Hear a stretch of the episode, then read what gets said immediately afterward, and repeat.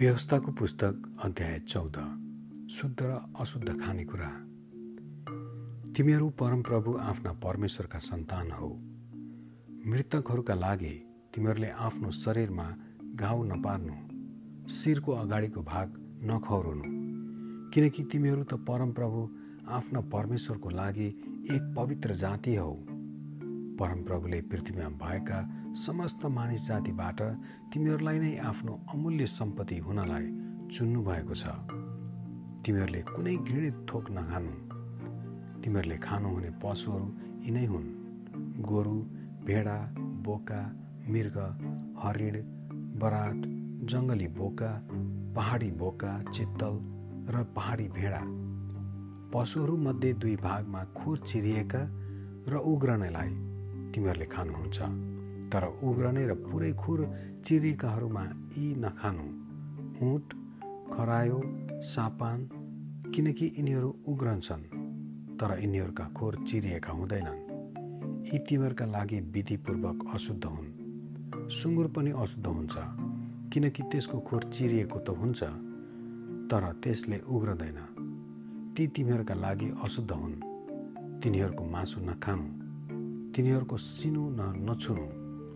पानीमा हुनुमध्ये पखेटा र कत्ला भएका तिमीहरूले खानुहुन्छ तर पखेटा र कत्ला नहुने तिमीहरूले नखानु।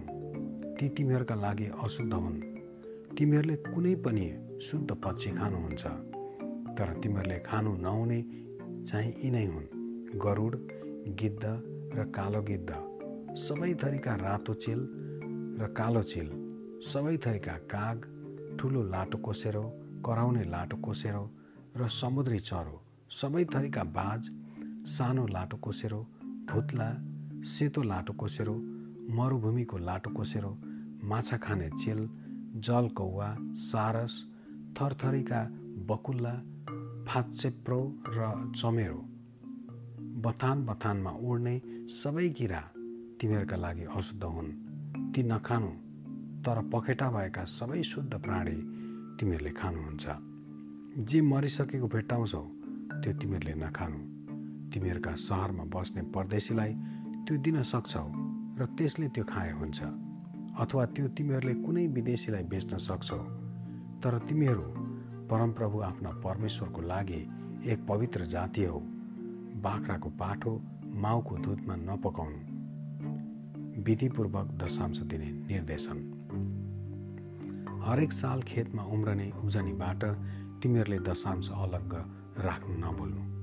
जुन स्थानमा परमप्रभु तिमीहरूका परमेश्वरले आफ्नो नाउँको वासस्थानको निम्ति छान्नुहुन्छ त्यही आफ्ना अन्न दाखमध्य र तेलको दशांश र आफ्ना गाईबस्तु र भेडा बाख्राका पहिले बिहाएका बच्चा उहाँको सामुन्ने खानु।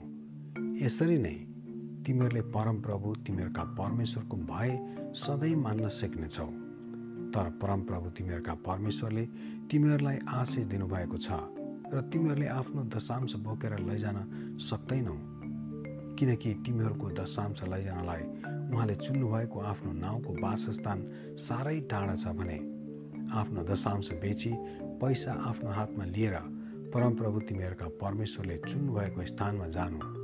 आफ्नो इच्छाअनुसार गाईबस्तु भेडा दाखमध्ये वा अरूमध्ये जे भए पनि त्यही पैसाले किनेर आफ्नो परिवारसहित तिमीहरूले परमप्रभु तिमीहरूका परमेश्वरको सामु खाएर आनन्द मनाउनु।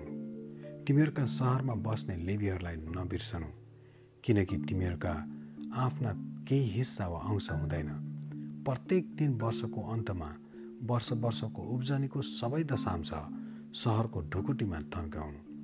के तिमीहरूसित सहरमा बस्ने केही हिस्सा वा अंश नहुने लेबीहरू र परदेशी टुहुरा टुहुरी र विधवाहरू आएर अगाउन्जेल खाउन् र परमप्रभु तिमीहरूका परमेश्वरले तिमीहरूका सबै काममा तिमीहरूलाई आशिष देऊन् आमेन।